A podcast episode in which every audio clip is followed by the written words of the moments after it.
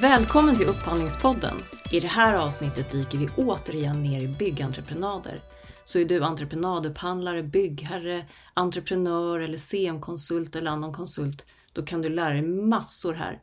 Du kommer få träffa CM-konsulten Fredrik Aspe, affärschef på EBAB Stockholm. Fredrik beskriver genomförandeformen CM, alltså Construction Management. Hur upphandling går till i den typen av byggprojekt, vad som krävs för framgångsrika upphandlingar och hur man gör om en upphandling överprövas mitt i projektet. Du kommer få en förståelse för varför alla genomförandeformer inte är optimala för alla delentreprenader och hur man ska tänka när man handlar upp. Fredrik understryker CM-konsultens viktiga ansvar att minska kostnaderna i projekt och hur man gör det på två sätt. 1. Uppföljning och 2. Genom att skapa förutsättningar för byggherren att ta medvetna beslut, till exempel om kommande ätor. Delade entreprenader bidrar även till utmaningar kring gränsdragning mellan delentreprenaderna och Fredrik vet hur man kan minimera sån problematik. Det och mycket mer finns att hämta i avsnittet om CM. Nu gör vi upphandling lite bättre.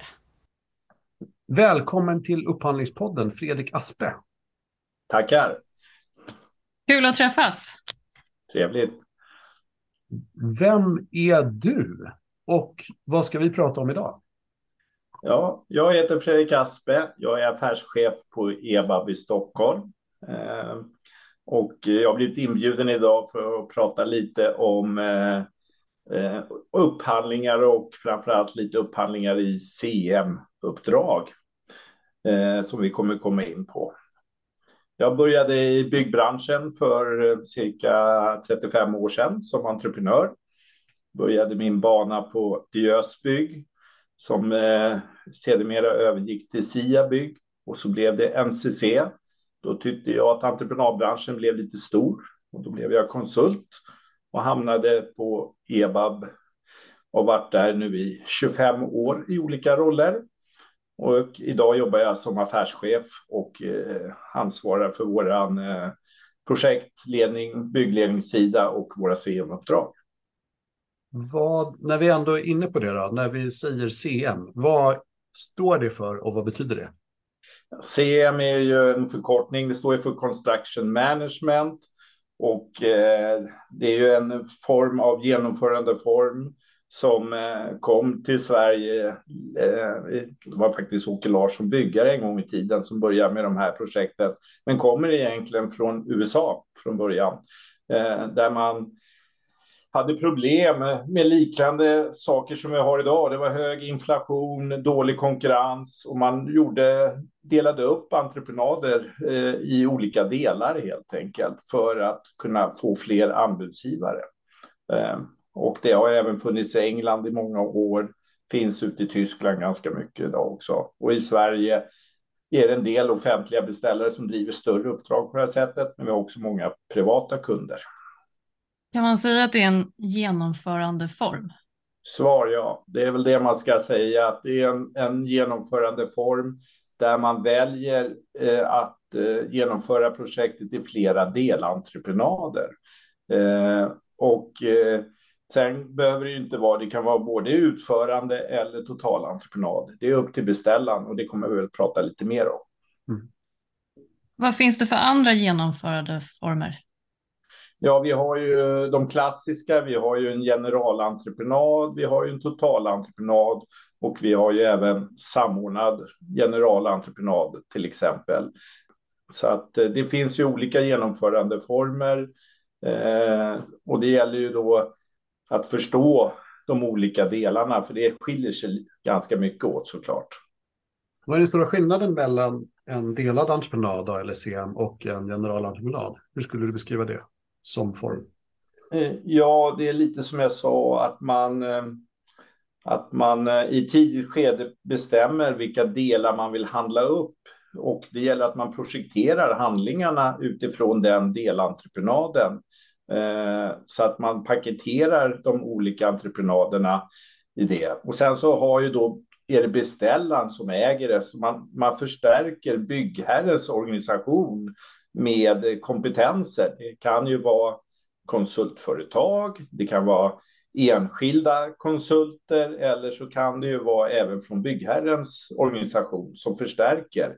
Men det är byggherren som ansvarar för att genomföra entreprenaderna. Men då betyder det att man har ett kontrakt mellan byggherren eh, och respektive delentreprenör då istället för ja, att ha exakt. ett stort kontrakt med en generalentreprenör? Då? Precis, det är det. Och en samordnad general, då brukar ju beställaren handla upp eh, till exempel installationsentreprenaderna och överlåta på generalentreprenören. Vad är det stora värdet av att göra det? Jag har provat de här, men vad tycker du att det finns ett värde av att göra så eller Ja, alltså all, alla genomförandeformer har ju olika fördelar och nackdelar. Det ska man vara medveten om. Så. Men den stora fördelen är ju i de uppdrag där man inte vet slutprodukten. Till exempel om du ska ha mycket hyresgästanpassningar i lokalerna och du vet inte vad hyresgästerna vill ha ännu till exempel. Då har du ju svårt att rita handlingar färdigt som en eh, generalentreprenör kan lämna pris på. Du kan ju köpa det som en totalentreprenör, eh, men då släpper du ju kontrollen av projekteringen och eh, valen i projekteringen. Så då skulle man istället kunna handla sådana entreprenader som där man blir så att säga färdig med, med handlingar eller där man inte behöver ta fram särskilt anpassade handlingar? Ja, under resans gång tillsammans. Exakt. Mm. Sen kan det också vara en fördel i vissa uppdrag har vi märkt när man kanske vill låsa och garantera vissa leveranstider. Om det är långa tider på en stomme till exempel av något slag. Vi har ju råkat ut här för en Ukraina-kris där det kanske är svårt att få tag i stål och betong. Då kan det vara en fördel att man väljer att köpa just då stommen i tidigt skede. Och det vill man ju göra också till exempel för att få med sig den kompetensen och kunskapen i projekteringen med konsultgruppen. Då kan det vara en lämplig del entreprenad att köpa stommen i tidigt skede. Men vad gör en sån som du i själva eh, projektet? Eh, vad, vad liksom, vilket, vilket stöd utgör du för en byggherre? Ja, men vi blir, jag brukar säga vi blir, vi blir byggherren. Vi blir vän, vänsterarm, högerarm, vänsterfot, högerfot eh, för att skämta lite. Men alltså vi blir den förlängda, vi tar på oss, eh, om vi får ett sånt här uppdrag av en kund så tar vi på oss deras kavaj fullt ut och försöker hitta eh, i både i projektering och produktion hitta den optimala tekniska lösningen till mest till rätt kostnad och eh, verkligen se till att vi förstår våran kund och levererar den produkt som beställaren vill ha i slutändan. Så att vi blir en, en form av projektledare, definitivt, men vi blir också entreprenörens eh, projektchef som hjälper till att lösa eh, hela projektet tillsammans med byggherren. Betyder det att ni kommer in och tar ansvar för samordning mellan de olika entreprenaderna? Eh, ja, vi, vi samordnar alla arbeten eftersom vi tillsätter en produktionschef som är bas U på arbetsplatsen. Vi får ju det eh, ansvaret delegerat, så vi tar arbetsmiljöansvaret. Vi samordnar den tekniska samordningen även i projekteringen, eh, där vi även är bas P eh, och hjälper beställa med den arbetsmiljöbiten. Eh, men sen är det som så att, att eh, en, vi är konsulter och det måste man vara tydlig med att vi ersätts ju inte enligt AB eller ABT utan vi ersätts på de villkor som finns i ABK 09. Mm. Eh, och det är ganska viktigt att man då förstår den skillnaden. Eh, eh, för vi tar ju inga arvoden på entreprenaderna utan alltid får ju beställaren betala nettopriskostnaden för verkligt utfall. Så istället så köper man kan man säga på, på, på konsultersättningar så köper man liksom en förstärkning av ledningsorganisationen. Det är så som du beskriver det egentligen. Ja, okay. och sen finns det ju ändå om det finns ju alltid risker och negativt som du säger Magnus med, med det här genomförandeformen. Det ska man vara medveten om. Men idag finns det väldigt bra projektförsäkringar som mm. täcker om det skulle bli en, en ja, det kan ju bli ett konsultmisstag, absolut eller det kan bli ett entreprenadmisstag i senare skede.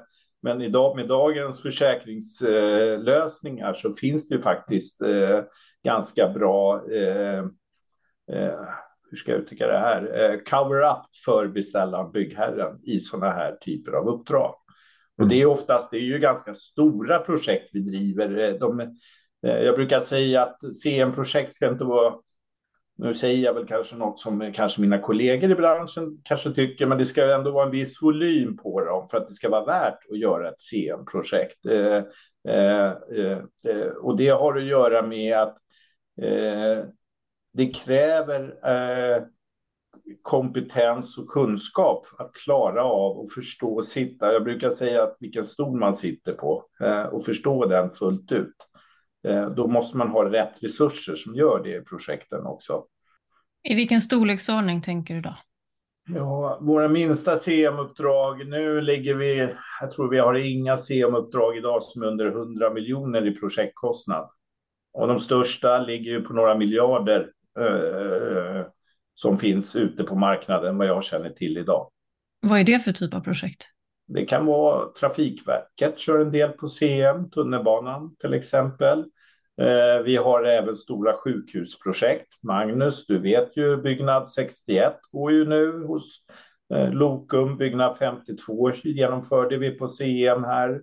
Det är ute i Danderyd bara, om vi ska säga. Visst är det så? Det är Danderyds sjukhus. Det är Danderyds sjukhus, precis. Så att, och då pratar vi, då är det miljardprojekt vi pratar helt enkelt. Mm. Så att eh, det finns ju då många eh, byggherrar som eh, tittar på CM just för att öka en möjlig konkurrens också. För titta på de här stora projekten vi pratar, då finns det ju bara tre, fyra aktörer i Sverige och sen finns det ju klart internationella aktörer, men de har ju svårt att komma in på Sverigemarknaden för att kunna sprida och kunna få fler anbud så kan det vara ett, faktiskt ett sätt att dela upp projekt i olika delar. Sen ska man inte dela projektet i onödigt många delar. Det gäller ju också att ha en strategi när man delar upp projekten. Ja, för det är jag lite nyfiken på. För där, lite ytterligheter är väldigt många delentreprenader, eller alltså, väldigt delad, mycket delad entreprenader säger man. Och sen, men vad är, en, vad är en rimlig uppdelning? Pratar man liksom skeden eller pratar man discipliner? Eller hur, hur, hur, hur ska man tänka? Och du säger både så här, husbyggnad och anläggning, så jag förstår att det inte finns ett svar till allt. Men, men någonstans... Ja, och jag ska säga att min styrka är inte att prata infrastrukturprojekt, utan jag pratar nog mer utifrån husfastigheter. Eh, och eh, jag tycker man ska tänka som så att det kan vara skeden. Jag tycker till exempel det är jättebra att börja en rivningsentreprenad eh, i samband med att man håller på med en systemhandlingsprojektering. För du får en otrolig kunskap om fastigheten som du inte ser. Och vi vet ju historiskt hur problem det är att hitta relationshandlingar och dokumentation på fastigheter och hitta miljöskulder. Gör man en rivningsentreprenad och får en stomren fastighet så har man mycket lättare i projekteringen också. Det underlättar otroligt mycket till exempel att i det välja skedet rivning att genomföra som en delentreprenad faktiskt. Mm. Så det, den skulle jag rekommendera byggherrar varmt. Sen tycker jag också att man kan titta på att dela upp eh, installationerna i respektive disciplin såklart. Eh, och det finns fördelar med det att man jag brukar säga så här att det gäller faktiskt att ta vara på kunskapen i branschen och genom att göra upphandlingar direkt med eh, VVS-entreprenören eh, så kan du få extra kunskap som byggherre och ta del av vilket är det bästa systemvalet eller tekniska systemet för den här fastigheten eller vilken produkt man ska ta in. Det, den som kan det bäst är ju faktiskt inte generalentreprenören. Nu är jag lite elak mot kollegorna i branschen, men eh, eh, jag säger ju oftast att det är den som sitter på kunskapen. Det är ju den som ska montera och skruva i anläggningen. Så det känns väldigt bra för beställaren att sitta och prata direkt med dem. För det bygger ju på även byggherrens kompetens. Är din erfarenhet att man får den feedbacken även om man jobbar med utförande entreprenader? Alltså då ja, vi har projektet eh, färdigt? Absolut. Jag, jag, tror de flesta människor vill tillföra sin kunskap och kompetens i projekt. Det är bara att vi måste hitta kanaler hur vi kommunicerar i olika skeden. runt detta. Sen har vi ju såklart, Magnus, lagen om offentlig upphandling som gör att vi kan inte prata allting i ett upphandlingsskede heller. Vi kan ju inte till exempel prata och föreskriva produkter och byta produkter i en pågående upphandling. Men jag ser ändå att man ska ta vara på varandras kompetenser och kunskaper i olika skeden.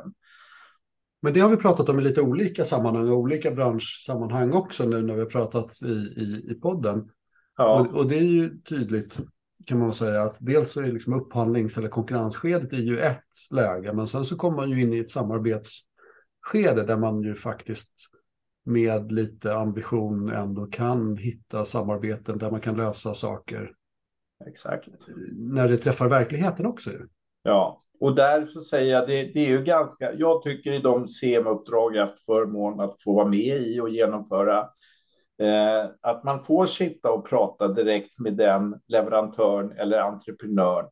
Jag vet att vi till exempel eh, har eh, bytt parkettgolv och fått ett bättre parkettgolv som kunde slipas fler gånger mer än det vi hade föreslagit, men ändå till ett lägre pris, för det fanns hemma hos leverantör.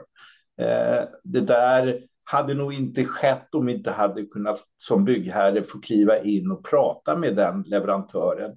Eh, och, eh, och hade det kommit från en generalentreprenör, absolut, det hade varit möjligt, men då hade det också kanske hanterats i form av en näta. Så att jag tror att man kan faktiskt göra, eh, eh, hur ska jag säga det här, att man kan göra både kvalitets och även tidsbesparande upphandlingar i vissa projekt om man, om man sitter till genom att välja en delad entreprenad. Handlar man upp då hela projektet totalt liksom, i en upphandling, en delad upphandling och sen så får man lämna det, det kan du göra. Du, det handlar ju allting om vilka tidplaner och eh, vad byggherren har skapat för möjligheter. Men det är ju, det är ju otroligt viktigt att man gör Gör man ett eh, CM med delad entreprenad så ska man skapa sig utrymme för att göra bra upphandlingar. Och hur gör du det? Ja, det är ett att paketera ihop bra handlingar tydligt eh, och eh, eh, skapa en inköpstidplan som ger ett utrymme. För det blir ju flera upphandlingar för upphandlingsorganisationen. Det går ju inte att komma ifrån. Det skapar ju faktiskt ett merarbete både för CM-bolaget och även för byggherren. Absolut. Men genom att göra det så eh, kontrollerar man också hela leverantörskedjan på ett annat sätt, tycker jag. Vi, vi kör en del projekt här med rättvist byggande till exempel, där vi då redan i upphandlingsskedet kan då kontrollera ner på ganska lång nivå i de projekten vi genomför, vilket också ger bra, för att eh, vi vill ju faktiskt att eh, våra projekt ska genomföras eh, med rätt arbetskraft där ute. Och vi kontrollerar ju alla kedjorna också utifrån en finansiell ställning också ju, eh, vilket gör att eh, det förhoppningsvis gör ju även generalentreprenörer och totalentreprenörer. Det vet jag att de gör, de stora bolagen. Eh, men det kan ju vara ibland att de väljer en UE som kanske har lite lägre rating för att det är den som lämnar lägst anbud till dem. Men det gör inte byggherrarna man vill inte ha problem med konkurser. Det är knepiga tider nu. Jag tror att vi får... Ja, det gäller att vara extra observant i dessa tider, Magnus. Jag håller med. Ja, det kan ju gå väldigt fort eftersom många av bolagen i kedjan är ju så beroende av kassaflödet och man binder ja. upp i inköp i alla, i alla, i alla steg också ja. förstås. Så att, men jag brukar sitta med vissa byggherrar och säga så här. Är det jobbigast om det går en, en eh, rörmokare går i konkurs eller om den samordnade generalentreprenören går i konkurs? Eh, nej, men och det där är en, en, viktig fråga, för det vi har sett nu när vi har haft en del obestånd på generalsidan ja. Ja. är ju också att underentreprenörerna blir ju väldigt fort lidande och det är ofta där vi ser ja. liksom, obestånden komma först. Och mm. lite mm. är problemet att vi har nog betalt fakturan i rätt många fall till generalen. Yeah. Men underentreprenören har inte fått betalt och då sitter vi lite i problem och får det färdigställt. Så det kan också vara en fördel med att sitta med med enskilda kontrakt i att man har ja. en uppgörelse där man ser betalningsströmmarna hela tiden. Liksom, med respektive part. Liksom. Och, och jag menar, det är ju sällan byggherren går i konkurs i alla fall. Ja, nej, vi får hålla alla tummar tror jag framöver, om jag ska vara helt ärlig. Det är I alla fall de som jobbar i de stora statliga och stadens bolag. Det, det känns ju ganska tryggt som beställare för hela branschen. Ja, vi, vi får hålla tummarna. Nej, jag ska inte måla fram på väggen. Det är väl så att, precis som du säger, att stat och kommun har andra typer av förutsättningar att inte gå ja. i konkurs förstås. Men vi ska inte fördjupa oss i det, men det Nej, men eh, jag, jag ser, jag ser en fördel att när man jobbar, får en ynnest att jobba med CM, då sitter man ju med beställarens plånbok, om jag uttrycker som så. Den, den känns ibland stabilare än, än om man sitter med en generalentreprenad och diskuterar vissa frågor i vissa uppdrag eller en totalentreprenad. Men får jag ställa en fråga? För jag funderade lite på, du, du beskrev ett antal olika roller och ett antal olika sådär. Det, ja. eh, det låter som att man behöver, om man ska nu kliva in i en eh, en del av entreprenad i ett CM-uppdrag som projektledningsföretag. Att man behöver besätta en del olika kompetenser. Du nämner projekteringsledning och du nämner de här rollerna för att kunna ta ett byggarbetsmiljöansvar med bas P ja. i, i, i, utformningen och bas U i utförande. Och så var du inne på också Eh, delning av installationsdiscipliner och sånt där. Då låter det som att de skulle behöva installationssamordning och sånt där. Jobbar ni med att teama upp alla från ert håll då i de här rollerna? Eller?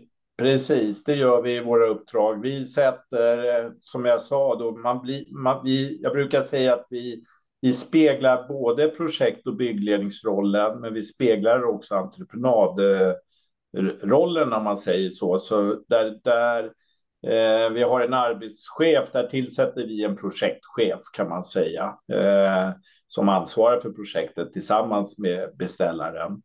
Eh, och sen så har vi som du sa en eh, projekteringsledare, bas P. Vi tar in installationsledarna tidigt i projektet för att vara med i projekteringen och påverka redan där. Eh, och så har vi energi, en energisida som tittar på energifrågor i projektet.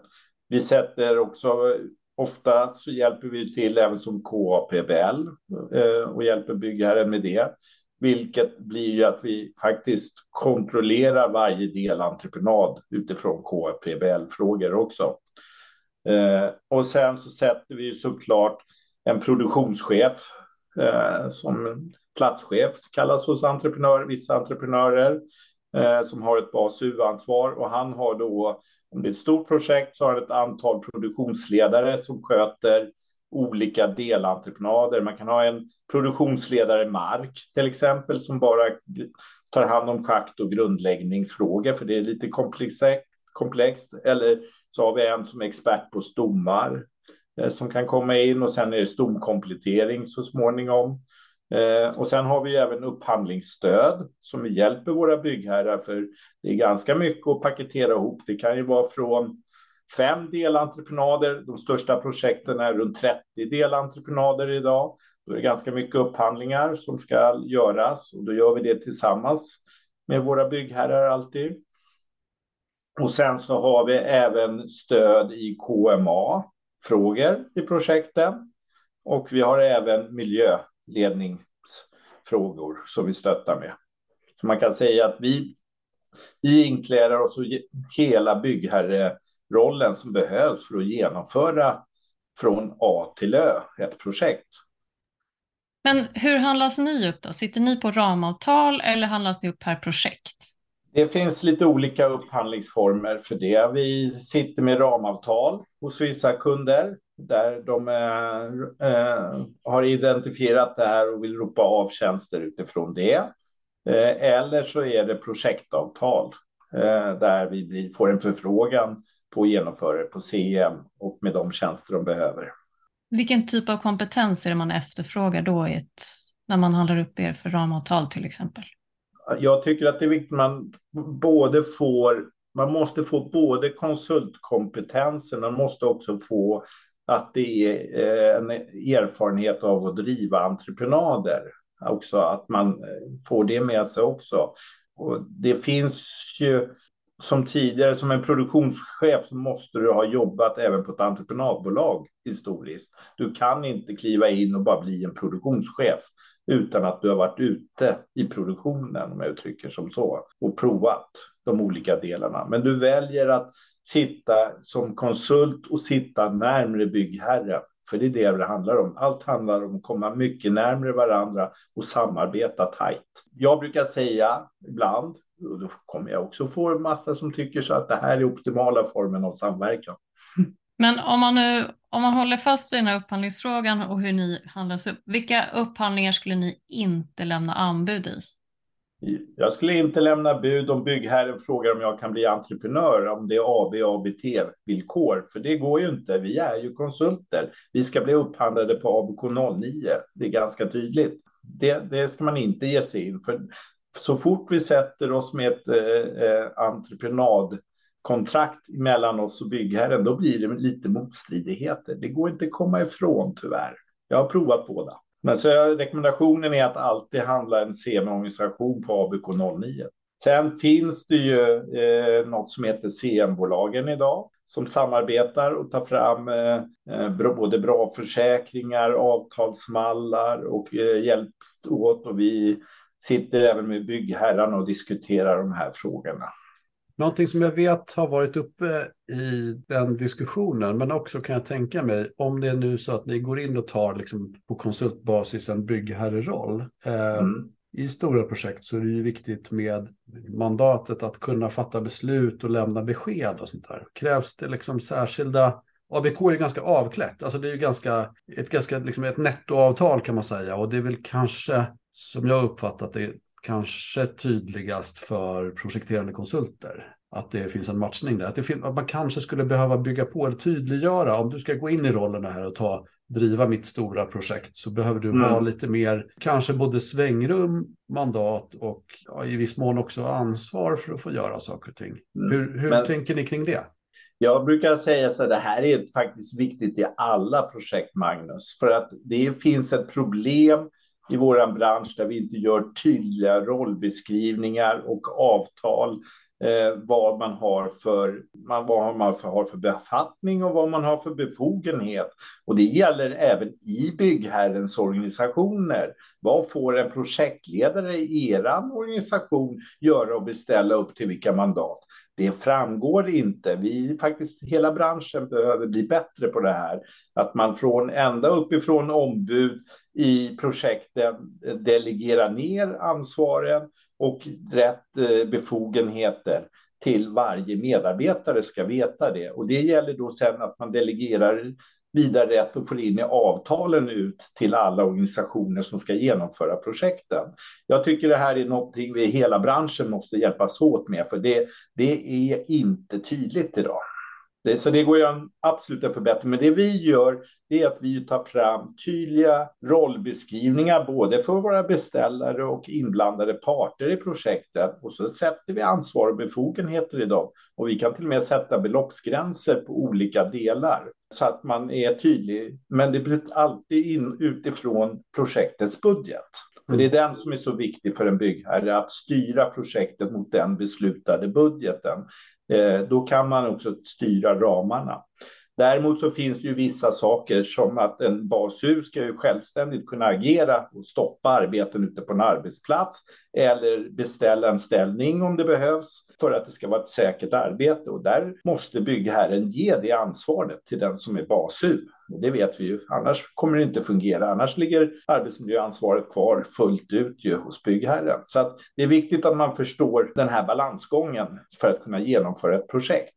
Så att, eh, jag, jag, tycker att det, det, är en komplex fråga och svår fråga som du ställer, Magnus. Men jag tror att man måste titta hela vägen i ett projekt, ända uppifrån och ner, om jag uttrycker det som så. Jag tror att du har rätt. Men du beskriver ändå så att du förutsätter ändå att beställaren eller byggherren har en egen projektorganisation. För jag tänker att det har ju också funnits ett antal, kan man säga, mer eh, kapitalorienterade byggherrar också, där man har haft hela projektorganisationen på konsulthänder. Mm. Och det kan ju finnas för och nackdelar det också, men, men där så förutsätter väl det, eller liknar väl det lite det du beskriver ändå? Ja, men då, då, då ska ju den organisationen få mandat fullt ut. Men jag, jag tycker att, jag brukar säga de CM-uppdrag, jag förväntar mig en aktiv beställare. Jag vill ha en beställare som är med och fattar beslut, för det är någonting som beställarna måste göra för att projektet ska kunna genomföras på ett bra sätt. Så att eh, jag skulle säga att eh, de, de mest lyckade uppdragen, det är när alla parter är aktiva tillsammans. Jag tänker på det här med kompetenser som du nämner och rollbeskrivningar. Vilka misstag brukar man göra? Alltså vilka roller glömmer man bort och kan man ställa för höga krav på olika kompetenser och sådär ibland? Vad, vad ser du där ute?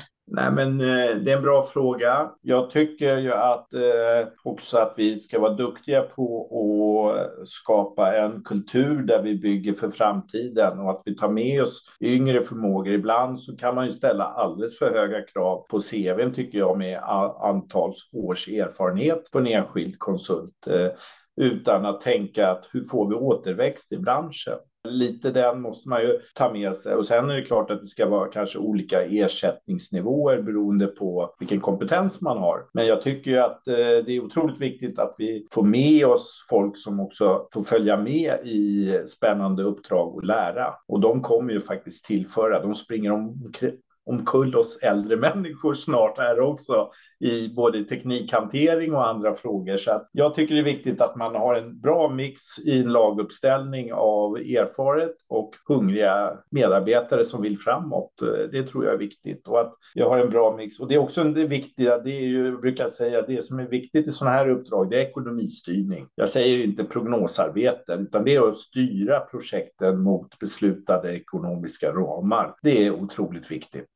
Vilka behöver man ha med för att kunna göra det på bästa det sätt? Pro projektingenjörerna är nyckelpersoner i projekten. Då. Tillsammans med, vi utser kontoansvariga för de olika delentreprenaderna. Att är du kontoansvarig för installationsledare kan ju vara kontoansvarig för rörentreprenaden till exempel. Då ska du varje månad sitta och ha ett möte med rörentreprenören, stämma av ekonomin för deras lyft, för de lyfta det här, stämma av alla ätor ettor så att det inte kommer några överraskningar i slutet för beställa. Och sen så ska du också sätta upp en lista med kommande i fortsättningen i projektet som inte ens rörentreprenörerna flaggat för. Det är då du gör ett styr projektet och hur kan vi minimera de kostnaderna? Inte bara sitta och ta emot brukar jag säga. Man ska arbeta aktivt för att eh, tillsammans med byggherren och entreprenören minska kostnaderna i projekten. Sen måste man beställa extraarbeten. Det är ju självklart, men då vet man. Då är det ett medvetet val och beslut från byggherrens sida. Använder ni några speciella verktyg? Alltså jag tänker IT-system eller någonting för att kunna kommunicera de här delarna och hålla processerna igång och hålla flödena igång på bästa sätt. Hur jobbar ni med det? Ja, eh, på EBAB har vi ju ett projektstyrningssystem där vi har jobbat i 30 år med att lägga in olika styrande dokument, eh, stöddokument och så förbättrar vi det under resans gång. Då. Det finns kollegor som har andra system också som fungerar. Och sen så jobbar vi helt transparent in i byggherrens system. För de har ju också massa bra mallar och eh, ekonomistyrningssystem och lite andra saker. Faktureringssystem till exempel såklart ligger ju hos beställaren. Så att eh, då jobbar vi helt öppet och transparent både med vårt system och beställarens system kopplas de ihop på något vis, alla de här systemen? Eller hur, hur jobbar man? Idag har det inte fungerat hos någon, tror jag, som har så transparent.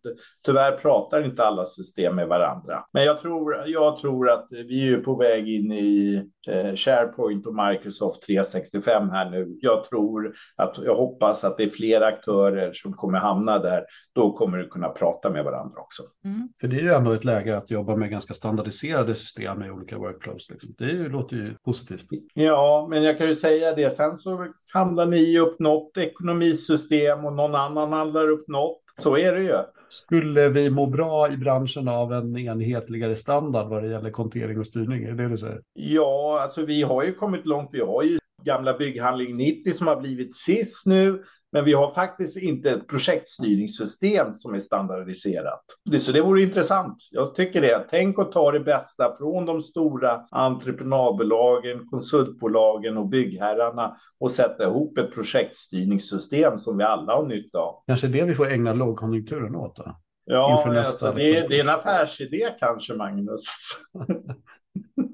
Det Jessica är konsult och entreprenör. in det här genom åren, men jag, jag ser inte att det har blivit något som är enhetligt i branschen ännu. Något som har varit uppe i diskussionerna på byggherresidan sista tiden är en standard som heter BEAST eller BIAST. Ja. Är det någonting som ni använder och vad är det? nu är inte jag expert, men det används ju redan i projekteringen. Det är ju sätta vissa koder på olika produkter. Det är granskningssystem i projektering och så det kan du kan ha nytta det även i relationshandling och förvaltningsskedet hos byggherrarna. Och det är väl ganska vedertaget av både de stora entreprenadbolagen, byggherrarna och konsultbolagen. Så det där tror jag på. Vi jobbar med det i flera av våra uppdrag just nu, så låt oss utvärdera. Jag tror att det är på rätt väg faktiskt. Men jag är, inte, jag är nog inte experten, så jag måste skicka den vidare till någon som brinner för de frågorna tror jag. Har du sett någon effektivisering eller utveckling utifrån BIM-spåret eller från eh, modelleringsspåret eller informationshantering där? Är det något som ni har användning av, den kedjan ja. ni beskriver? Ja, alltså det underlättar ju kalkylarbeten. Eh, det gör det ju definitivt. Både när byggherren gör en kalkyl och när entreprenörerna gör sina kalkyler såklart. Eh, så där tycker jag definitivt. Och sen är det väl lite tidigt och jag kan inte uttala mig eftersom jag inte jobbar så mycket med förvaltning. Hur mycket förvaltningen har nytta av det ännu. Det, det är lite tidigt tror jag att uttala sig om. Men att vi ska digitalisera oss på olika sätt, det tror jag branschen mår bra av. Sen kommer det inte vara lösningen på att driva projekt, för det måste vi vara duktiga projektmänniskor som hjälps åt att driva projekten. Vi kan inte lita på att systemen löser, utan vi måste vara även kompetensen bakom spakarna brukar jag säga måste fortsättningsvis vara eh, utifrån de organisationer man bygger i olika projekt oavsett genomförandeform. Hur tycker du att man tar vara på ny kunskap från projekt till projekt? Eh, erfarenhetsåterföringen i den här branschen är bedrövlig. Så. Nej då, men det, det, finns goda exempel också. Men det är ju som så att varje projekt och uppdrag är ju unikt. Vi bygger väldigt sällan samma projekt igen, eh, utan det även skolorna. Magnus ser väl olika ut gissar jag. Det kanske är någon förskola som ser likadan ut genom historien. Inga sjukhus ser likadana ut vad jag känner till. Bostäder har man ju pratat om till exempel att man skulle köra och det är väl några av de stora bostadsutvecklingarna som lyckas att köra kanske samma typ av fastighet igen.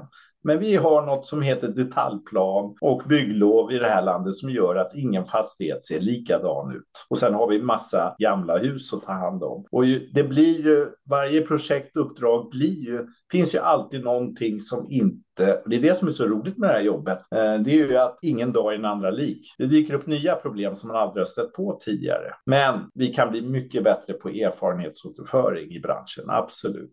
Även om vi jobbar med workshops tillsammans efter projekten med byggherrarna. Men hur sprider vi informationen mellan olika projekt, olika kunder, olika konsulter, olika entreprenörer? Den är väl ganska begränsad idag. Mm. För även om varje projekt är unikt så måste det ju vara många, många, många komponenter som ser likadana ut varje gång. Ja. Absolut, vi har ju ändå eh, liksom kända eh, skeden, moment och eh, olika delar i projekten som blir det är mm. samma, samma ändå. Som, men mm. det går att förbättra allting fortfarande, absolut. Och det är väl det här hur vi delger varandra förbättringsmöjligheterna som kanske brister lite i den här branschen.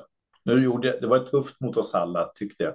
Nej, men det är ganska intressant för ett par gäster tidigare har ändå beskrivit det på precis samma sätt som du gör det här och nu och beskriver varje projekt som unikt. Ja. Eh, men det är ju också en ganska hård dom i att vi aldrig kommer att vara helt framme i ett industriellt byggande eller att vi kommer att kunna nå en sån produktivitet som vi har. Du, jag tycker inte att det är roligt med industriellt byggande. Jag är ledsen.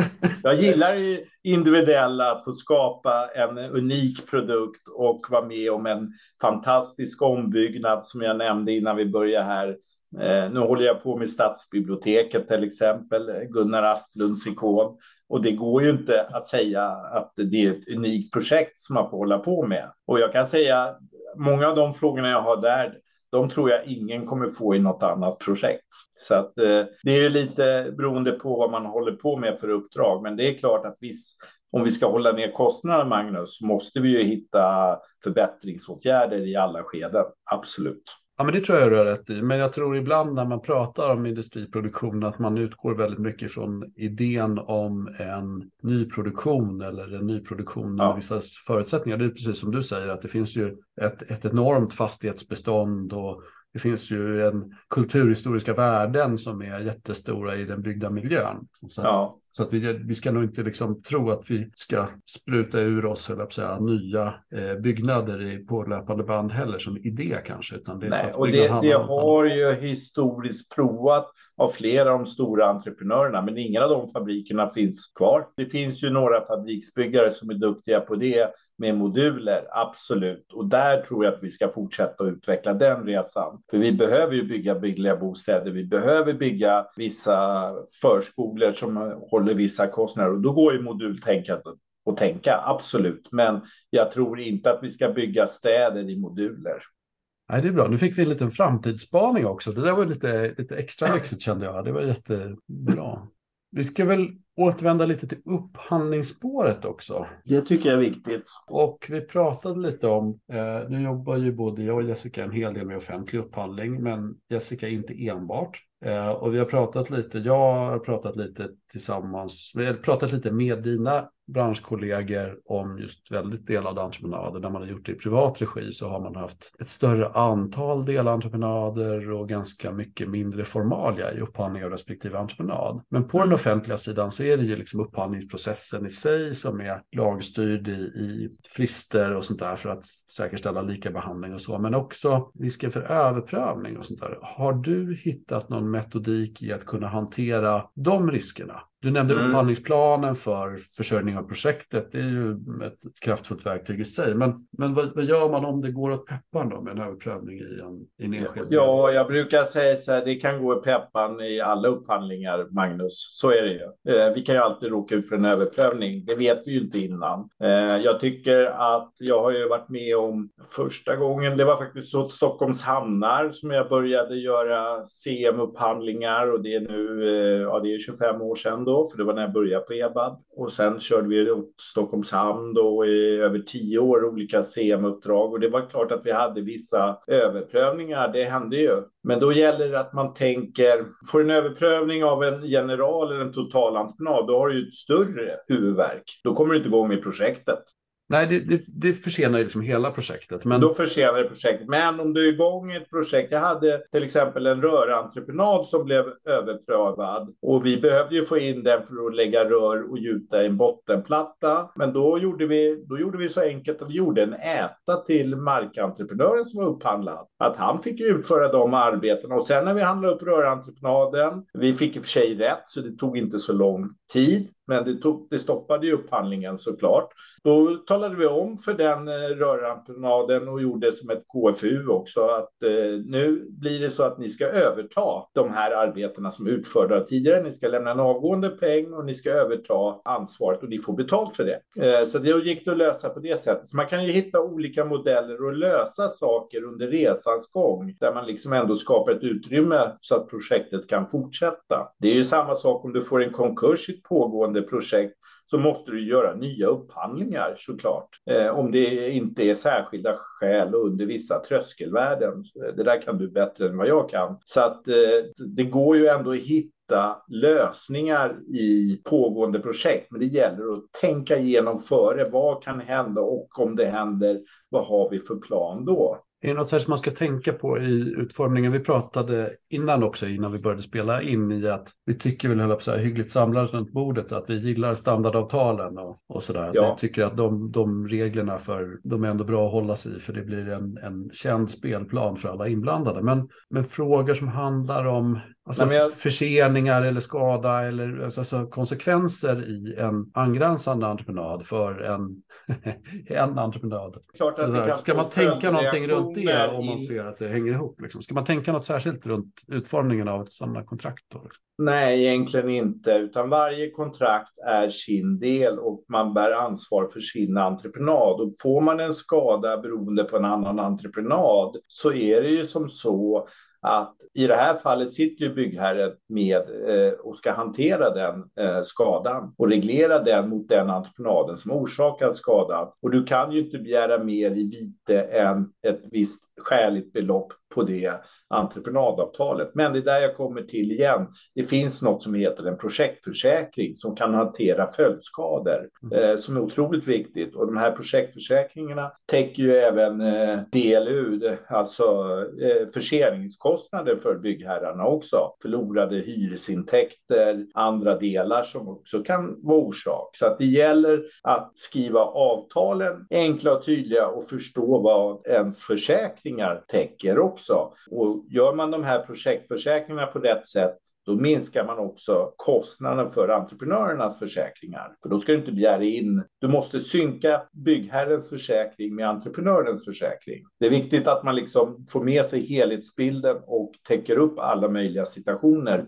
som kan uppstå i ett projekt för den typen av försäkringar eller byggherreförsäkringar eller projektförsäkringar i stora projekt, det ja. har jag varit med om att man har tecknat även när man har en stor generalentreprenör med eller utan ett totalansvar också. Så att det Precis. är väl nog så, i och med att det är så mycket pengar i rullning i den projekten så är det ändå någonting som man har täckt oavsett genomförande form. Liksom. Ja, det, det, är en bra rekommendation faktiskt, att man gör det. Och jag brukar säga det här med försäkringar. Det är, det är inte så ofta man tar fram försäkringarna förrän det är för sent. Då har skadan redan skett. Det är då man börjar titta på vad har vi för försäkringsvillkor i projektet. Men det ska, man, det ska du tänka på innan du börjar projektera, säger jag. För du kan även ta med en utökad konsultansvarsförsäkring i projektförsäkringarna. Så att ta kontakt med duktiga försäkringsrådgivare tidigt i projekten. Bra, då blev det lite försäljning för försäkringsbranschen också då här. Ja, jag, men jag tror att det är som, som jag sa innan, det finns duktiga entreprenörer, de ska man ta kunskap om. Och vi, vi är byggherrar och konsulter. Vi kan inte allt om försäkringar. Då ska man ta hjälp. Man ska ta hjälp. Jag brukar säga det. Man ska inte kunna allt, men man, man ska veta var man ska fråga. Mm. Jag tänkte det också. Försäkringar är ofta en fråga som kommer upp även på de områdena där jag jobbar och det, det är inte alltid så lätt. Alltså, det är svårt att veta ens vem det är som vet något ja. om, om de försäkringarna man redan har. Precis. Och sen mm. är det som så att det sitter ju olika kompetenser. Jag menar, de stora byggherrarna, de har ju folk in-house som kan försäkringar. Jag vet ju till exempel, jag sitter staden i eh, Stockholms stad har ju Sankt Erik eh, som är den stora paraplyförsäkringen. Men är den alltid gjord för större projekt? Frågetecken kan man ju diskutera och så vidare. Det finns ju väldigt mycket att titta på i de här frågorna. Och jag säger inte att jag är någon expert, men jag säger gärna, jag frågar mina beställare, vad har ni för försäkringar om det händer något? Och ibland så har vi också det här problemet att det kommer in pågående verksamhet när det fortfarande bedrivs entreprenadarbeten och vad händer då med ansvar och olika roller? Det gäller att det tydligt dokumenteras i projekten också. Vem är det som har försäkringsansvaret idag? På fastigheten är det byggherren, men eh, verksamheten har tagit i drift och entreprenören är där borta och bygger. Då blir det faktiskt lite svårt. Ja, och du är inne på någonting också om vi pratar om, om en kommun eller om, ja, i det här fallet då, om Stockholms stad, så är det så att det ja. finns ju både i det som du nämnde tidigare med beslutsmandatet ligger normalt sett inte så högt i linjen som skulle behöva göras, utan man kan behöva formalisera särskilda mandat i stora projekt för att ja. kunna fatta sådana beslut. Och det kan ju mycket väl vara så även med att få fatta beslut om försäkringsteckningar eller kostnader för vissa försäkringsfrågor Exakt. också. Så att man kan nog behöva på ganska eh, strategisk nivå och få det förankrat innan man sätter igång väldigt stora projekt. I, i, åtminstone i offentliga beslutsmiljöer eller i, där man har kanske ett spritt ägande också hos en byggherre. Att, att man måste säkerställa ja. de bitarna tidigt för de faller in i det också. Ja. Jag tycker också man ska vara öppen för att kunna dela projekten i olika genomförandeformer. Man kan till exempel handla stomme, ska, tyck, rekommendationen är handla den på ABT, för de är bäst att projektera stommarna. Eh, hissar, samma sak. Men då kanske att du väljer en stomkompletteringsentreprenad där vill du som beställare lita färdigt. Vad är det för produkt jag vill ha in? Vad är det för undertak jag vill ha? Vad är det för golv jag vill ha? Och så vidare. Där kan man ju göra en AB. Så att, att man ändå och det spelar ingen roll eftersom du gör varje enskild upphandling så kan du göra så. Du kan alltså blanda ABT och AB i de olika delentreprenaderna. Det är väl också viktigt med skick om man nu vill genomföra ett CM-projekt. Det ger en möjlighet att göra det. Just det, för där var ju min fundering i om det var lämpligt eller olämpligt utifrån att man har en delentreprenad, men då har man bara så att säga, totalansvaret eller utformningsansvaret eller funktionsansvaret för sin delentreprenad och inte för hela ja. byggnadsverket. Men det är ingen motsättning i sig egentligen. Nej, det är inte det. Inte historiskt när jag har jobbat. Man kanske inte ska säga att man gör styr som AB och sen kör rör som ABT. Då får du lite jobbigt med gränsdragningar. Eh, det skulle jag inte rekommendera. Men eh, att man eh, håller sig lite konsekvent på installationssidan är väl bra helt enkelt. Där funktionsansvar är och att man kanske sätter ihop styren med till exempel vänt om det är mycket styr på ventilation. Att du inte delar i för många delar.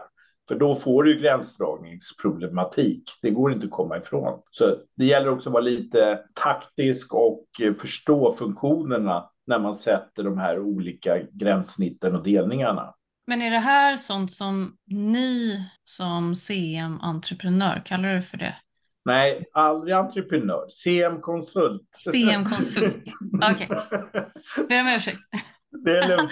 Det, det, det är lätt och vi, det är som så. Det är faktiskt bra att du säger så, för det är många som uppfattar oss som entreprenör, men det är vi absolut inte. Vi är ett konsultbolag och är fullt ut ett konsultbolag och tar ersättning som konsulter. Så yes. det är viktigt att man förstår det. Men som CM-konsult så ger vi rekommendationer hur vi ska projektera handlingarna tillsammans med beställaren och paketera ihop det i olika paket så att vi kan skicka ut förfrågningar, svar ja. Och mm. vi gör gränsdragningslistor och tittar på olika delar. Precis, för jag började sitta och tänka, så ska en upphandlare kunna det här själv eller vem är det hos byggherren Nej. som kan de här sakerna? Men då har ju ni den kompetensen och kan ja, stötta med det. och jag säger ingen upphandling blir bättre att sitta själv. Man måste jobba som ett team oavsett om det är en projektledare hos byggherren som sitter med och upphandlar. Men det måste alltid vara ett team i upphandlingen. Jag, jag kan inte komma ifrån det, Magnus. Jag tycker alltid att det kanske blir för få människor som sitter och gör en upphandling om förfrågan och så blir det inte bra. Det, det är väl en eh, allmän utskick till upphandlingspodden. Man är inte starkast själv. Ta hjälp av varandra. Och något som jag har sett den sista tiden också, det är ju där det har varit tydligt i projektgruppen när vi har haft förvaltningssidan med oss. Det vill jag bara säga, Jessica, som mm. en liten koppling till ditt arbete och ditt forskningsområde. Att eh, det är också tydligt vad det innebär långsiktigt för konsekvenser med olika val när man har med sig förvaltning eller inte. Ja, och jag håller med Magnus, det är jätteviktigt att få in förvaltningen redan i tidiga skeden i projekteringen. Eh, I program och systemval är det ovärderligt att få in deras kunskaper, för det är ändå de som ska drifta och förvalta fastigheten och bara veta hur många utbildningar vill ni ha? Vad vill ni ha för handlingar? Hur många Eh, och i vilket, i vilket format och allting. Att man tydligt sitter tidigt med förvaltningen och tar med deras kunskaper. Och de har ju mycket, om det är befintliga fastigheter, då har de ju en ovärderlig kompetens om den fastigheten som man ska nyttja. Eller hur gör ni när det finns ett liksom, kvalitetsvärden liksom, i enskilda delentreprenader? Jobbar ni med det också? Eller hur, hur ska man jobba med det som upphandlare? Liksom? Ja, men det som jag sa, det är, det är lite knepigare på lagen om offentlig upphandling. Eh, för det, liksom eh, den här likvärdigheten, den kan man ju inte bedöma. Den är svår. Eh, vad en likvärdig produkt? Den, den har vi ju alla en utmaning att bedöma. Men samtidigt vill vi ha så rena anbud som möjligt eh, också ju.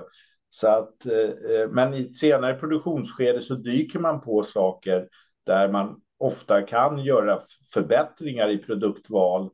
Eh, och det kan också vara frågor som dyker upp bara att ja, men den här produkten finns ju inte godkänd i byggvarubedömningen till exempel. Och så vill man ändra till något annat som uppfyller rätt kriterier utifrån hållbarhetsaspekter. Så att jag tycker att eh, det är en viktig fråga att jobba genom projektet hela tiden med de här, även om det kanske är ritat eh, material X från en arkitekt så är det inte säkert att det är material X som ska monteras i projektet eh, för att det finns kanske något bättre på marknaden eller något som ännu håller bättre krav. Det kan till och med det kan innebära en avgående kostnad förhoppningsvis eller så kan det innebära en tillkommande kostnad. Men det håller ju längre ut förvaltningsperspektiv. Då ska beställaren ändå ha en möjlighet att välja den produkten. Eh, lite så tänker jag i alla fall runt den frågan. Så det är väl viktigt. Sen när det gäller upphandlingarna där du, som du nämner ändå, det, det finns ju också ett sätt som jag jobbar med vissa offentliga beställare. Det är ju faktiskt att många offentliga beställare har ju ramavtalade entreprenörer. Då gör vi förnyade konkurrensutsättningar eh, på mindre projekt där vi kör mindre delade entreprenader. Ja, men eh, de är ju kvalificerade och godkända och det finns beloppsgränser. Då kan vi ju fråga en byggare till exempel. Vad lämnar du för pris på byggdelen? En rörentreprenör, vad tar du eh, för det? Och då blir det ett enklare upphandlingsförfarande också i förnyad konkurrensutsättning. Mm. Så det går att jobba på lite olika sätt beroende på eh, vad byggherren har med sig och hur deras eh, upphandlingar ser ut helt enkelt. Är, är det positivt om en byggherre redan har en massa utformade mallar för hur de vill att AF-delar och så vidare ska se ut med olika miljöskrivningar och ja, olika krav som de har formulerat på sitt sätt? Det, Eller det... är det bättre ju friare det är? Nej, det är jättebra det du säger. Att ändå beställarna har satt sina ramar och sina riktlinjer för hur de vill att det ska vara. Och det finns ju, många av byggherrarna har ju tekniska anvisningar som ska följas. Eh, vi har ju också eh, till exempel när vi jobbar med de allmännyttiga bolagen, de sitter ju med eh, leverantörsavtal av tvättmaskiner, diskmaskiner, för de vill ha samma tvättmaskiner och diskmaskiner i alla sina fastigheter och vitvaror. och då, är det, då gör vi avrop från dem materialleverantörsföretagen eh, helt enkelt. Och så får, det är en förutsättning för entreprenören. Du får tillhandahållet de här produkterna från den här leverantören. Eh, och då vet ju förvaltningen att ja, men vi får alltid just den diskmaskinen. Ska vi, går en diskmaskin sönder så vet vi när vi åker till den här fastigheten att det sitter rätt diskmaskin i fastigheten. Så att det, det gäller ju att ta vara på det som som eh, byggherren vill ha i sina fastigheter också. Det är otroligt viktigt. Man kan ju köpa även material, det vill jag säga, för att låsa upp eh, eh, att säkerställa vissa materialleveranser till olika projekt. Och så överlåter du materialet till entreprenören också. Ja, men det där har jag funderat lite på när vi började prata CM för en massa år sedan och när LOI uppdaterades med med DIS, dynamiska ja. inköpssystem. Ja. Så är ju det en fundering om det kanske är något som man skulle kunna använda för att få till ett antal kvalificerade leverantörer för större projekt inom olika ja. discipliner. Men eh, då har man ju liksom redan kvalificerat in dem och då kan man jobba lite med lite andra tidsfrister, lite andra kommunikation och ibland också eh, eh, välja och ha med avtalsspärrar och inte och sådär. Ja. Eh, så att man kan kommunicera på ett annat sätt. Precis som ni säger med, kring ramavtal också. Ja. Att ibland så kunde man använda det som, som sourcing-idé eller som försörjningsstrategi för ett, ett projekt. Ja, men, så det går att göra på olika sätt. Nej, men det måste det är som jag säger, byggherren ska alltid äga upphandlingsprocessen och veta hur avtalen ser ut. Eh, och eh, det, det, det, går inte att komma ifrån att ändå byggherren utifrån hur den formar, oavsett om man formar en general, en totalentreprenad, han sätter ju villkoren hela vägen ner eh, och kraven på varje UV. Eh, så att det är samma sak i en delad entreprenad. Det är alltid byggherren som ska äga processen och styra den. Det tycker jag är väldigt viktigt när man gör upphandlingar. Jo, jag tycker också man ska rekommendera entreprenörer lite här har jag noterat. Vad ska de tänka på när de kliver in i ett CM-uppdrag och som en delentreprenör? Och, och, eh, jag brukar säga så här till de entreprenörer som vi jobbar nära med i CM-uppdrag att först börja med att följa förfrågningsunderlaget eh, när ni svarar på anbud. Det är liksom eh, det, är liksom det första. Att, och sen även att de tillsätter rätt organisation eh, delentreprenören, de ska ha en duktig arbetsledare på plats som kommer ut och de ska ju leda sina arbeten. Att, eh, och det är viktigt och att de ska ha samma sak där med mandat tydligt. Vem får ta ekonomiska beslut i den delentreprenaden? Eh, det är också viktigt. Eh, och sen vill vi undvika ju många led i även i delentreprenaderna, för vi får ju problem att kontrollera utifrån rättvist byggande och andra delar om det är många led, utan vi vill ju att de tar de in några underentreprenörer och till exempel rörmokaren måste ju ta in en rörisolerare. Det går inte att komma ifrån. Eh, då ska den anmälas i god tid och kontrolleras av CM-organisationen och byggherren tillsammans. Och, alltså, liksom, eh, och vi ska vara med få ta del av alla de upphandlingar som varje delentreprenad utför så att vi säkerställer. Och idag är det ännu viktigare att det inte kommer produkter från länder som inte får komma och så vidare. Det är också upp till CM-organisationen tillsammans med byggherren att kontrollera det att de sköter alla avtalsvillkor som finns. Ju. Eh, det blir inte gjort om man inte ligger på. Avtal kan skrivas, men man måste följa upp dem också, brukar jag säga. Och sen att man då genomför, att de vet om att en gång i månaden sitter vi ner och diskuterar just ert kontrakt med byggherren. Hur ligger ni till tidsmässigt, kvalitetsmässigt, miljöfrågor, arbetsmiljöfrågor? Har ni någonting eventuellt som ni vill anmäla som är en förändring i entreprenaden? Eh, då måste ni göra det skriftligt. Och att de har rätt försäkringar som vi pratar om. Det är väl ett tips att jag säger till entreprenörerna, ni ska läsa noggrant försäkringskapitlet och innan ni skickar över den försäkringen. Om att, att man begär in försäkringar från, från varje delentreprenad. Och som vanligt så är försäkringarna årsbaserade. Att man tittar på vilka datum går de ut och ser till att det kommer nya. Och det där tror jag också är en miss som vi gör i branschen på alla genomförandeformer. Vi glömmer Ja, just det, försäkringen har gått ut, men har vi begärt en ny försäkring från den entreprenör vi har avtalat? Så att det är väl också ett litet tips till entreprenörerna. För sen är det ju också, tycker ju då många av dem vi har jobbat med mycket i olika CM-uppdrag, att det är väldigt skönt att komma nära beslutsfattaren. Eh, de sitter inte och bråkar med en, en T eller GE kanske emellan, utan här får de faktiskt prata direkt med den som sitter med plånboken. Det ger mm. dem en möjlighet att få förståelse kanske för varför de vill ha något betalt. Eh, eh, ibland så får man ju höra bakvägen när man sitter att nej men vi fick inte igenom något för den där generalentreprenören. Den, den gav inte oss rätt i någonting. Men de kanske skulle faktiskt vara förtjänt med att få rätt ersättning. Eller tvärtom, att det kommer massa förändringar som bara inte egentligen borde ha kommit vidare till beställaren. Det händer ju också, Magnus och Jessica. Så är det ju. Ibland sitter vi ute i projekt och får titta på saker som inte borde ha passerat vissa eh, fönster på vägen. Jag undrar om man tittar från andra hållet eh, när man ska göra upphandlingen. Vilka, vilka dokument, vilka handlingar är det som är viktiga att de följer med ut i upphandlingen? Eh, ut till eh, anbudsgivaren. Pratar vi konsult eller delentreprenad? CM-konsult eller delentreprenad. Vilka handlingar brukar du anse är bristfälliga i den här typen av, alltså som beställaren inte eh, har eller eh, anser sig behöva ha eller sådär? Vilken nivå, vilken kvalitetsnivå mm. är det på handlingarna som ja, går ut? Nej, men självklart är ju AF-delen en nyckelpunkt, eh, själva förfrågan. Det går inte att komma ifrån. Den ska vara genomarbetad för varje delentreprenad.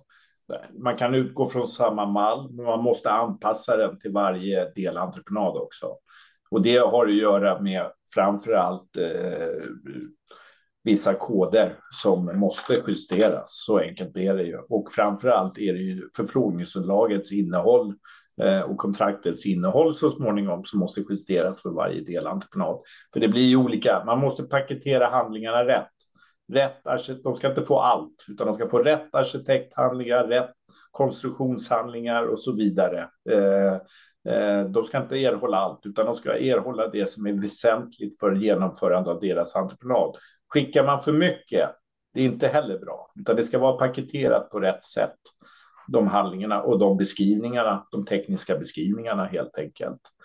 Och där är det väl viktigt att man gör en handlingsförteckning för varje delentreprenad, det är tipset eh, som är tydlig.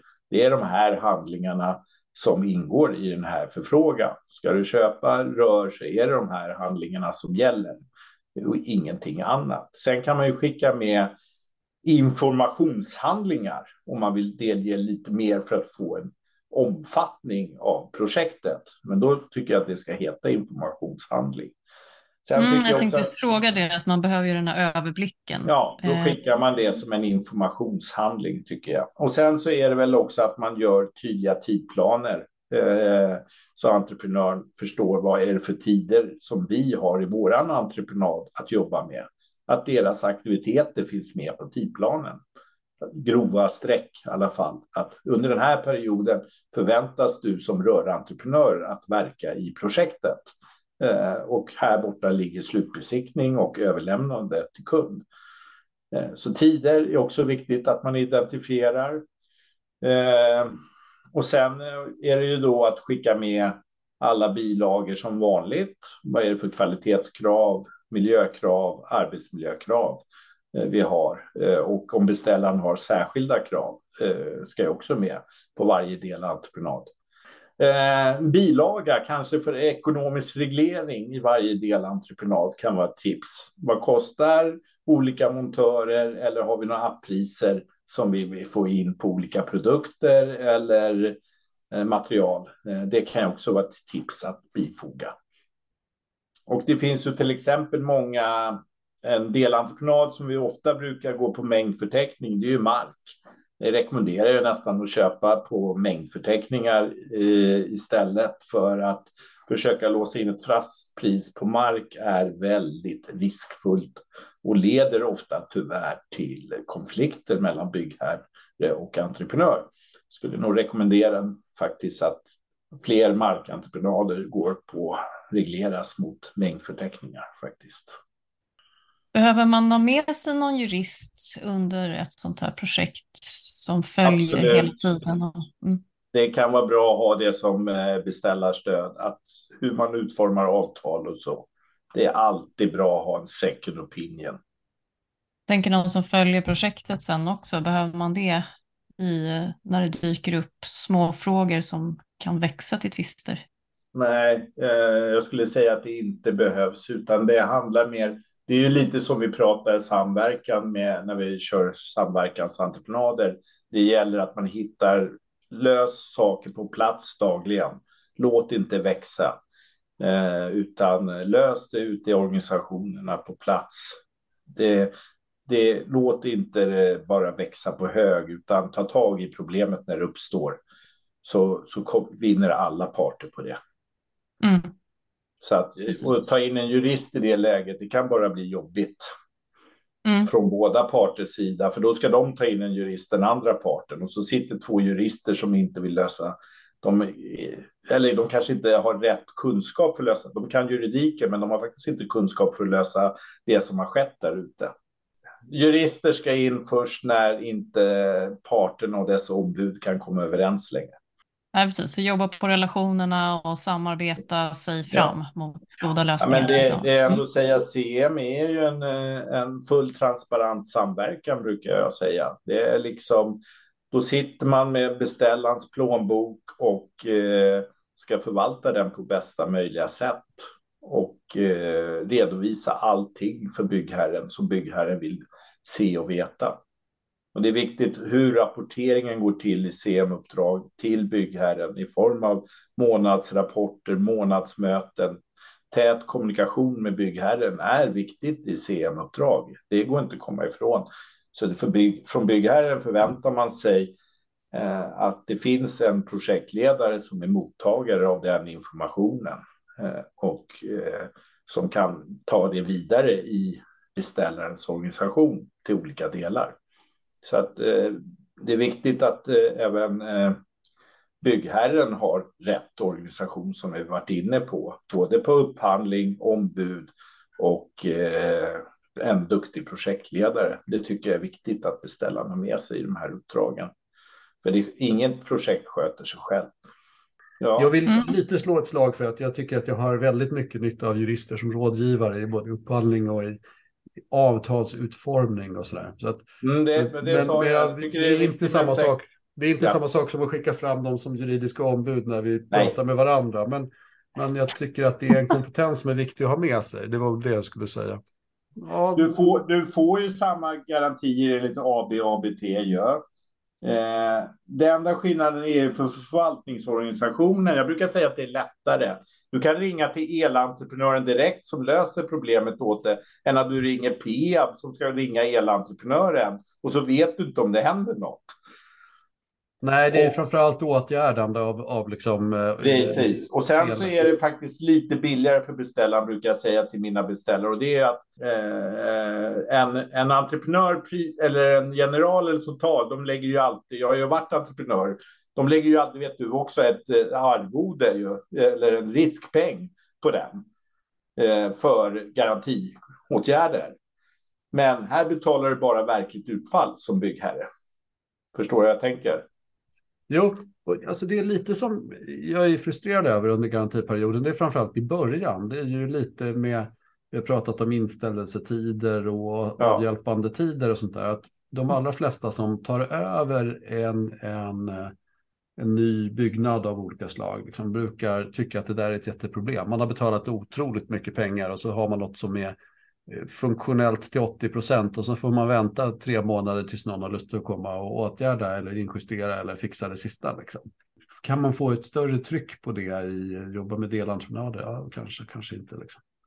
Ja. ja. men det blir ju ändå lite upp till den leverantören just att visa att vi är rätt leverantör för den här beställaren i framtiden. Vi vill ju ha, alla vill ju ha återköp. Jo, det, är det, är det viktigaste vi har i hela branschen. Eh, det är som konsult vill man ju ha återköp för att man gör en nöjd kund. Det, det är liksom, och det gäller ju även entreprenadsidan. Det, det, är så mycket lättare att få ett återköp än att få en ny kund. Oavsett vilken upphandlingsform som sker. Bra. Den, ja. Jag tycker jag har fått svar på en del frågor. Eh, det kommer säkert att komma flera frågor efterhand och sånt där. Jag tror kanske inte att att det är sista gången som vi klämmer på det genomförandeformatet. Utan Nej. jag tror att det finns skäl att återvända i det.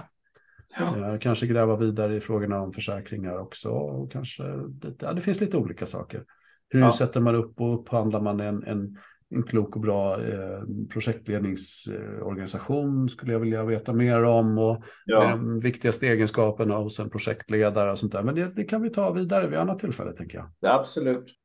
Och jag säger som jag säger, alla projekt ska inte vara CM, utan det är bra att vi har olika genomförandeformer. Samverkan är jättebra. Jag sitter med Skanska och har en jättebra samverkan just nu.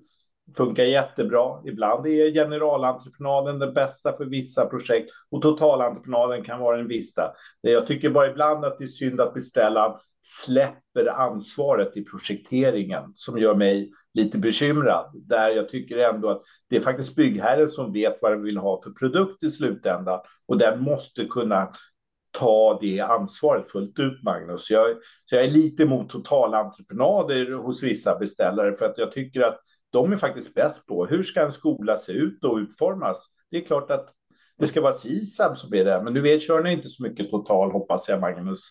Eh, men utan att, eh, att, att det ändå är byggherren som verkligen får driva den processen och ta ansvar för den också. Det tycker jag är viktigt. Eh, så vill jag jobba med mina kunder. Det, det är för dem vi bygger och då ska de få äga den processen och kunna styra och få den produkt som är bäst för kommande verksamhet helt enkelt. Oavsett om det är bostäder, skolor, sjukhus eller vad det är. En duktig totalentreprenör kan ju ibland klara det bättre om de har gjort massor av skolor historiskt, absolut. Ja, man får fundera på det där med kompetensöverlämnande och erfarenhetsåterföring och sånt där också mellan olika typer av parter. Ja, det finns en massa ja. att fundera på i. Nej, men jag vill, det, är liksom, det är ju ändå att byggherren ska ju vara den som sitter där och har mest kunskap. Ja. Men ibland säljer ni bort kunskapen. Ja, men så Även till konsulter. Nu pratar jag emot vår verksamhet, men vi, ibland så borde ju ni sitta och ha eh, vissa kompetenser som kanske konsulthusen har eller entreprenad. Eh, men, men, man kan förvalta det där på olika sätt också tänker jag. Jag tror ja. inte att det är heligt liksom att det ska vara i ett anställningsformat, utan det handlar ju mer om att på något vis, jag vet inte, förvalta kunskapen och förvalta liksom eh, ja eh, lessons learned. Liksom. Så jag tänker, mm. ja, det finns olika sätt att göra det på. Ja. Det finns mycket Nej, det finns mycket att, att diskutera. Det är det som är så roligt också. Ja, ja, ja, ja för tusan, verkligen. Och det, ja. jag känner att man lär sig mycket varje dag. Det är nytt varje dag. Ja. Även för egen del som sitter som ja. skrivbordsbyggare och upphandlare bakom, bakom skrivbordet. Så känner jag. Stort bra. tack Fredrik. Tack Stort själva. Tack. Ha en fortsatt bra dag. Ja, men vi tack hörs igen. detsamma. Ja, jättebra. Ja, det hoppas jag att vi hörs där ute. Tack för att du lyssnat. Finns det saker du skulle vilja höra mer om eller någon du kanske tycker att vi ska intervjua så hör av dig till oss på lyssna.upphandlingspodden.se. Ett särskilt varmt tack till Erik Stridell på Bybrick som komponerat Upphandlingspoddens jingel.